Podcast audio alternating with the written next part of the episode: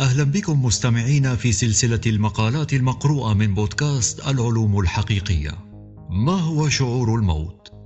إعداد رمزي محمد التعليق الصوتي حسن الرياحي. تنبيه قد يحتوي هذا المقال على مشاهد ومعلومات لا تناسب فئة الأطفال. كلنا سوف نموت. هذه حقيقة مطلقة لا تحتاج إلى مساءلة. قد يموت بعضنا مبكرا بعد معاناة مع التهاب الرئة أو مرض عصبي نادر أو متأخرا بسبب جلطة دماغية أو سكتة قلبية يوجد بيننا معمرون يتجاوزون المئة سنة لكن الجميع سينتهي تلك النهاية المؤلمة ويتلاشى لقد حير لغز الموت أسلافنا لملايين السنين لماذا نموت؟ ماذا بعد الموت؟ كيف نؤخر موتنا قدر المستطاع؟ هذه كانت بعض أسئلتهم. الآن بعد أن قيل الكثير عن الموت لم يزل أحد الأسئلة غير مجابا أو بالأحرى غير قابل للإجابة. ما هو شعور الموت؟ يبدو بديهيا أن الموت لا شعور له فالجسد الميت لا يشعر. لكن ماذا عن الجسد الذي يموت؟ أي يعيش تجربة الموت. الإجابة صعبة فالذين يموتون الآن سيموتون بعد حين ولن نحصل منهم على إجابة شافية. أيضا لا أحد قد يجرؤ ويسأل مريضا يموت كيف هو شعور الموت؟ بدلا من التعاطف معه. في هذا المقال سنحاول الاقتراب من تجربة الموت أو بتعبير أدق تجربة ما قبل الموت. كيف ستشعر لو أصبت برصاصة أو طعنت بسكين؟ ما هو شعور أن تقطع عنقك بسيف مصقول جيدا؟ ما هو شعور الموت غرقا أو حرقا أو خنقا؟ وكما هو متوقع تندر الأبحاث العلمية التي تتناول مثل هذه الموضوعات. لذا سنعتمد بشكل أساسي على التجارب الشخصية للناجين من الموت بأشكال مختلفة. قد تصدق هذه التجارب أو تكون وهمية ومتخيلة. نظرا لخلل الذاكرة الذي قد يتلو مثل هذا النوع من الحوادث أو التحيزات الشخصية. لكن على الأقل قد تغير نظرتنا حول الموت. ما هو شعور الإصابة برصاصة؟ لا أحد يود أن يصاب برصاصة. كل أبطال الأفلام يرمون مسدساتهم ويرفعون أيديهم ويجثون على ركبهم عندما يوجه أحد مسدسا إليهم. إلى الآن تعد المسدسات اليدوية أكثر أدوات القتل استعمالا في أمريكا. متسببة في مقتل قرابة سبعة آلاف ومائة وخمس ضحايا. يصل العدد إلى أحد عشر ألفا وأربع ضحايا. إذا أضفنا ضحايا المسدسات اليدوية إلى ضحايا الأسلحة النارية الأخرى فكيف هو شعور أن تخترق رصاصة أجسامنا؟ ماتت ديبورا كوتون إثر مضاعفات طلق ناري تلقته بينما كانت تصور تقريرا إعلاميا في عيد الأم عام 2013 حدث كل شيء في ولاية نيو أورليانز حيث سمع إطلاق الرصاص في وسط الحشود المحتفلة وأصيب 19 شخصا. كانت ديبورا واحدة منهم. تصف ديبورا تجربة الإصابة برصاصة كالتالي. ما يثير العجب أن الرصاصة عندما أصابتني لم أشعر بشيء. لا شيء إطلاقا وهذا ما صدمني. أذكر أنها كانت أشبه بأن يرميني أحدهم بحصاة صغيرة. لم تدرك ديبورا أن رصاصة اخترقت جسدها إذ تقول بالنظر إلى الأحداث التي كانت تجري حولي الناس يصيحون ويركضون وصوت الرصاص يدوي في الشوارع. لم يكن لدي سبب لأعتقد أن حصاة صغيرة شاردة من الرصيف هي سبب صدمتي. ثم بتردد توقعت أنني يجب أن أكون أصبت برصاصة. لعلكم تشعرون بالدهشة الآن كما أشعر أنا بالفعل. لا أحد يشعر بالرصاصة تخترق جسده وتحدث ألما فظيعا. لكننا جميعا نخاف المسدسات وتتسارع نبضاتنا وأنفاسنا ونتعرق. بل نتجمد في أماكننا حينما نسمع دوي الرصاص بالقرب منا. أن تصاب برصاصة يعني أن لا تشعر بشيء. على الأقل لحظة الإصابة. إنما نخاف منه ليس هو ألم الرصاصة. بل ما يمكن أن تحدثه فينا من الإصابات الطفيفة إلى الموت. هذه قصة أخرى يروي كاتبها الذي لم يزل حيا بعدما أصيب بطلقة نارية في فخذه. لم أشعر بشيء في الواقع إذ كان جسدي مغمورا بالأدرينالين حتى سألني المسعف إن كان أحدهم ضربني. عندها استرخى جسدي قليلا وبلل الدم سروالي وشعرت بالألم يقيد حركتي. تذكروا أننا نتكلم عن تجربة الموت لا عن تجربة الإصابة برصاصة طائشة. إذا بقي المصاب حيا سيشعر بالألم فيما بعد بلا شك كما قرأنا قبل قليل. لكنه إن مات فالأرجح أن آخر شعور ذاقه في الحياة هو الخوف أو ربما الفرح. إن كان قتل في مناسبة سعيدة. التفسير العلمي. يستطيع الباحثون أن يحسبوا سرعة الرصاصة المنطلقة وتقييم الحالة الطبية وعلاجها لكنهم لا يستطيعون حشد مجموعة من الناس لإطلاق النار عليهم في تجربة علمية هادئة. لكن على كل حال تبدو روايات الناجين من الحروب وحوادث إطلاق النار معقولة. يمكن تفسير عدم الشعور بشيء إثر تلقي رصاصة من عدة جوانب أهمها ميكانيكا الرصاصة وفيزيولوجيا الجسد. تختلف سرعة الرصاصة المبدئية أي لحظة انطلاقها من فوهة السلاح الناري بين أنواع الأسلحة. يذكر أحد المراجع أن رصاصات بعض الأسلحة تنطلق مبدئيا بسرعة 1200 متر في الثانية أو 1500 متر في الثانية في بعض الأسلحة الكبيرة. جزء من الألم الذي نتخيله إذا افترضنا أن رصاصة أصابتنا أو شاهدنا مشهد إصابة في أحد الأفلام هو أن أدمغتنا تحلل الطلق الناري بسرعة تتناسب مع قدراتها على الاستيعاب أي أننا نتخيل الرصاصة تلامس أجسادنا ببطء وهذا عكس الواقع فهي تخترقها بسرعة يصعب تخيلها. يحدث أحيانا أن تكون الأشياء من حولنا فوضوية جدا في مطاردة مثلا أو محاولة لإطفاء حريق منزلي. فنعيش الحدث بتفاصيله الأهم ويتنازل جهازنا العصبي عن التفاصيل الأقل أهمية كالشعور بالألم. كما تعلمون أجسادنا مصممة لتجنب الموت. فلو أن الشعور بالألم سيبطئ من سرعة فرارها أو دفاعها ستموت حتماً. وهنا يكمن منطق انعدام الشعور بالرصاصة إلى حين آخر عندما نكون في مأمن كما قرأنا في القصة الأخيرة. إذ لم يشعر المصاب بألم الإصابة إلا بعد وصوله إلى المستشفى ماذا عن استجابة أجسادنا للطلق الناري؟ مزيج من الخوف وارتفاع ضغط الدم ونبضات القلب هو ما يميز جهازنا العصبي اللا إرادي السمباثي الذي ينشط تلقائيا في حالات كالإصابة بطلق ناري يرتفع مستوى الأدرينالين الذي يؤدي إلى توسع بؤبؤ العين لزيادة الانتباه ويشتت انتباهنا للحاجة إلى التبول والأكل والشرب. ليس هذا الوقت الأنسب للرفاهية. ويقبض أوعيتنا الدموية في محاولة لتحويل الدم من الأطراف إلى مركز الجسم لحماية الأنسجة الحيوية من الموت. لذا نشعر ببرودة في أطرافنا عند الصدمة. الشعور بالألم جزء من استجابتنا للطلق الناري، لكننا لا نشعر به فورا عندما يتعلق الأمر برصاصة تخترقنا، فنحن بحاجة إلى الفرار أو المقاومة. ما هو شعور الطعن بآلة حادة؟ الأسلحة الحادة هي ثاني أكثر الأدوات استعمالا للقتل في أمريكا. متسببة في مقتل قرابة 1604 ضحايا في عام 2016 بخلاف الإصابة برصاصة يمكنكم تخيل أن الطعن بآلة حادة أكثر إيلاما ربما لكن الناجين من حوادث الطعن لهم آراء مختلفة. يصف أحدهم تلقيه طعنة بسكين حاد قائلا شعور أشبه بالوخز لا يمكنك إدراك أنك طعنت حتى ترى الدم يسيل منك. ويقول آخر تلقيت طعنة في وجهي بقلم رصاص في البداية لم أشعر بشيء سوى شعور الضغط ثم فيما بعد عندما رأيت الدم يسيل من فكي. شعرت بالغضب الذي طغى على أي شعور بالألم مررت به لحظتها. وبعد دقيقتين بدأت أشعر بالألم الذي لم يكن كافيا ليجعلني أبكي. ربما طعنة واحدة ستبدو أشبه بالوخز أو الضغط. لكن ماذا لو تلقى أحد منا 31 طعنة في كامل الجسد؟ هذا ما سترويه لنا امرأة أسترالية تعرف بإليزابيث.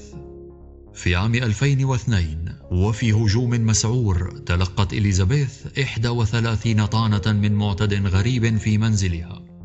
شعرت إليزابيث في البداية بالوخز. تقول لم أفهم لما يقوم بوخزي ثم شعرت بريح باردة تغمر جسدي. ضحية أخرى تصف شعور تلقيها طعنة بسكين في ظهرها من عشيقها المخمور بأنها كانت مثل وخزة شديدة. ثم لما أحست بالألم شعرت بالحرارة وارتمت على الأرضية. عامل آخر يؤيد روايات هؤلاء الضحايا. هو أننا غالبا نعيش تجربة الطعن أو الإصابة برصاصة لأول مرة حيث نكون غير مهيئين ولا نحمل أي ذكرى مسبقة لمثل هذه التجارب. هل تذكرون أول مرة لمستم فيها إناء على النار أو ارتشفتم رشفة مؤلمة من كأس شاي حار؟ بالكاد تذكرون أنها كانت مؤلمة صحيح؟ فقد تشعرون بانسحاب لا إرادي سريع ترمون الإناء أو تقذفون الرشفة من أفواهكم ثم يزعجكم ألم طفيف في الأيام التالية. لعل الطعن بآلة حادة يتسبب في شعور مشابه. وهذا يعود إلى عامل الغرابة كما يصفه أحد الضحايا بعد تلقيه ثلاثة عشر طعنة قائلا. إن الألم جعله يشعر بأنه مثل الغريب في ظل ما كان يحدث. العوامل الأخرى التي تفسر هذا الشعور الذي لا يتناسب مع عدد وشدة الطعنات لا تزيد أو تقل عما ذكرناه في الجزء السابق. ما هو شعور الموت اختناقا؟ يعد الموت اختناقا نادرا. مقارنة بالموت برصاصة أو في حادث سير. في أمريكا مات قرابة 98 شخصا مخنوقين في عام 2016. قد تكون تجربة الموت بالاختناق الأقل رعبا بين أشكال الموت الكثيرة. فهي لا تتضمن اختراقا مؤلما للجسد أو أي شكل من أشكال الضرب.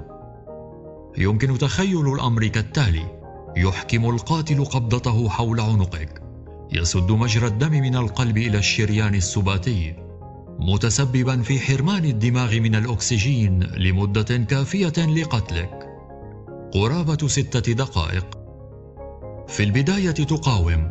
يكون جسدك في أقوى حالاته. تدفع المعتدي بعيدا عنك. تحاول طلب المساعدة. ثم يبدأ جسدك بالاسترخاء. الدماغ الذي يقبض العضلات ويبسطها لا يستقبل كما كافيا من الأكسجين.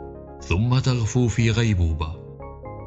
تروي إحدى الناجيات من الموت بالاختناق قصتها كالتالي. ثم ربض فوقي ولف يديه حول رقبتي بشدة. أتذكر أنني كنت أقاوم وأصارع لأتنفس. ثم شعرت بجسدي يسترخي وشعرت بالهدوء والأمان متوقعة أنني سأفقد وعيي ثم أموت. حينها أرخى قبضته فرحت ألهث وأسعل بعنف. عانيت من ألم الحلق لعدة أيام. لو أن تلك السيدة ماتت بسبب الاختناق لما شعرت بشيء. فالشعور عملية حيوية مرهونة ببقائنا أحياء. وبعد كل شيء الموت ليس شعورا. بل هو نهاية كل شعور وهذا ما يخيفنا لا الطريقة التي سوف نموت بها. في الواقع يمكننا جميعا تجربة بداية الاختناق. أذكر أنني كنت أتبارى مع صديق لي أينا يستطيع كتم أنفاسه أكثر من الآخر. كان ذلك للسخرية في محاضرات الجهاز التنفسي. كنا نستطيع المقاومة اراديا حتى الدقيقتين ثم تلقائيا ندخل في حالة من اللهاث ولذة الحياة. في بعض الأحيان عندما كنت أبالغ في الصمود كانت يداي وقدماي تضطرب ورأسي يتحرك كما لو كنت أختنق رغما عني. قد نرى الموت أمامنا أطول مما نفعل لو متنا بفعل رصاصة تقف مباشرة في جذع الدماغ. لكن الموت بالاختناق لا يتضمن الكثير من الألم بل الكثير من الفزع. ما هو شعور الموت غرقا؟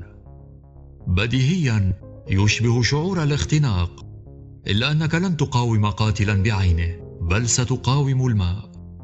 عندما يدرك الغارق أنه لا يستطيع الصعود للأعلى لاستنشاق الأكسجين يمر بحالة من الفزع الشديد فينتصب جسده وتنشد عضلاته ويبدأ بالتحرك للأعلى كأنما يتسلق سلما متخيلا داخل الماء وجدت الدراسات التي أجرتها فرق الإسعاف في نيويورك أن هذه المرحلة من الغرق لا تتجاوز 20 إلى 60 ثانية ما هو شعور أن تحترق؟ عندما يتعلق الأمر باحتراق الجسد ببطء حتى الموت فإن هذه هي الطريقة الوحيدة التي لا أود أن أموت بها. تتنوع الحروق بحسب المادة الحارقة. فهناك حروق كيميائية وكهربائية وحروق باللهب. الاحتراق بسبب تيار كهربائي قاتل ليس مؤلما. لا يحتاج هذا الادعاء إلى شهادة أحد الناجين من إصابات الالتماس الكهربائي. فبمجرد مرور تيار كهربائي بشدة عالية عبر الجسد يخر المصاب مغمى عليه أو ميتا بسبب عدم انتظام نبضات القلب في الغالب. تتعدد درجات الاحتراق باللهب فهناك حروق الدرجة الأولى. معظمنا تقريبا جرب هذا النوع من الحروق وهو غير قاتل وحروق الدرجة الثانية والثالثة والرابعة. يشمل حرق الدرجة الثانية طبقة الجلد القشرية أو الادمه وجزءا من الطبقة التي تحتها وينتج عنها احمرار ونفطات وقد يكون مكان الحرق منتفخا ومؤلما أما حرق الدرجة الثالثة فيشمل جميع طبقات الجلد وقد يصل إلى الطبقة الدهنية تحت الجلد مدمرا كل مكونات الجلد وقد يمتد إلى النهايات العصبية. ومن هنا قد لا يمكن الإحساس بجميع أنواع الإحساس في المنطقة المحروقة بما فيها الألم. حرق الدرجة الرابعة هو الأخطر بلا شك إذ يشمل الأنسجة تحت الجلدية كالعضلات والعظام والأعصاب. لا تموت ضحايا الحريق من اللهب في الغالب بل من الاختناق بغاز أول أكسيد الكربون السام في إحدى الدراسات وصلت نسبة الذين ماتوا من الاختناق بأول أكسيد الكربون إلى 75%. يحرق الدخان الحار والغاز السام مجاري الهواء مما يتسبب في تخشبها وعجزها عن التنفس. قد تموت ضحايا الحريق من الجفاف وفشل الأعضاء الحيوية أيضا. في النهاية لا يمكن مقارنة الموت حرقا بأشكال الموت السابقة، فهو الشكل الأكثر إيلاما وتعذيبا. ما هو شعور الموت ذبحا؟ برغم شناعته، يمكن أن يكون الموت ذبحا واحدا من أسهل وأسرع الطرق لإنهاء الحياة، وهذا يعتمد على مهارة الذابح وسرعته. الألم الذي يمكن الشعور به في هذه المناسبة هو ألم نفسي غالبا. أما حين يقطع السيف أو الفأس الرقبة فاصلا إياها عن الجسد فسيكون مركز الإحساس بالألم الدماغ قد طار بعيدا عن الجسد. تقدر بعض الدراسات أن الدماغ يستغرق قرابة سبع ثوان لإنهاء كمية الأكسجين المتبقية في الرأس ثم يموت بعدها من منكم جرب نحر الذبيحة في يوم عيد الأضحى لا تدوم تجربة الموت أكثر من بضع ثوان من المنازعة وحركات العضلات اللا إرادية، ثم ينساب الدم من جوف الأضحية وتستقر مسترخية بلا حراك. ما هو شعور الموت في حادث سير؟ تتعدد الإجابات على هذا السؤال لتعدد سيناريوهات الموت في حادث سير. هل أنت السائق أم الراكب؟ هل تموت مباشرة أم في المستشفى؟ سأروي هنا تجربة شخصية تعود إلى عام 2012 كنت أقود سيارتي بسرعة 130 كيلومترا في الساعة وكنت مشغولا بالمراسلة وقت القيادة فجأة سمعت ارتطاما لم أكن متيقنا من أنه ارتطام سيارتي بمنحنى الطريق ساعتها. ثم أدركت بعد قرابة خمس ثوان أن سيارتي تقف معاكسة للطريق وقد انطفأت بالكامل. سمعت طنينا لكنني لم أشعر بشيء. بقيت لدقيقة في السيارة ولم أكن وقتها اعي ما حدث وما يحدث. فقط أدركت أنني اصطدمت بعنف. عندما ناداني أحدهم وسألني إن كنت بخير قلت إنني بخير. مشيت بضع مترات وكنت مشوشا. ثم لما أجلسوني على الرصيف. شعرت برغبة في الضحك. لم أشعر بأي شيء حتى اليوم التالي. عندما بدأت رقبتي تؤلمني.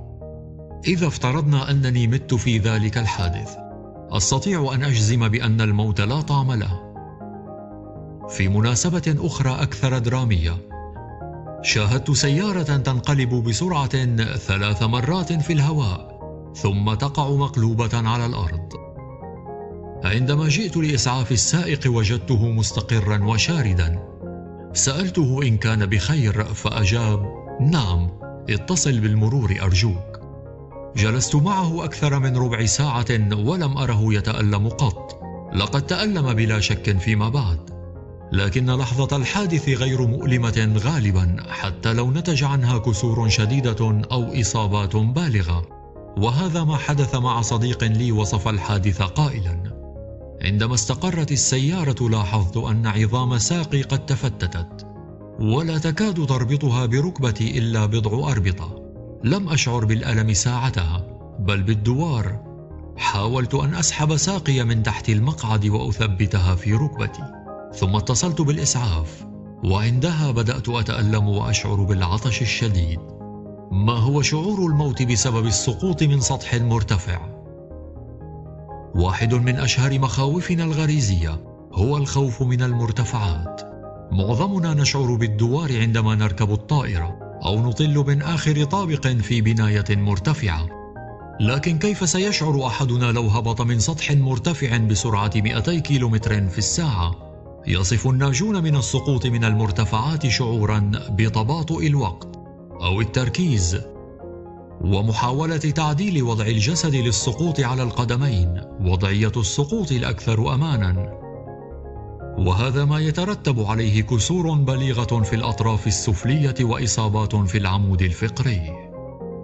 وجدت إحدى دراسات السقطات القاتلة في هامبورغ ألمانيا أن قرابة 75% من ضحايا السقوط ماتوا خلال ثوان أو دقائق قليلة بعد سقوطهم على الأرض. شكرا لحسن الاستماع وإلى اللقاء القريب في حلقة جديدة من بودكاست العلوم الحقيقية دمتم في رعاية الله وحفظه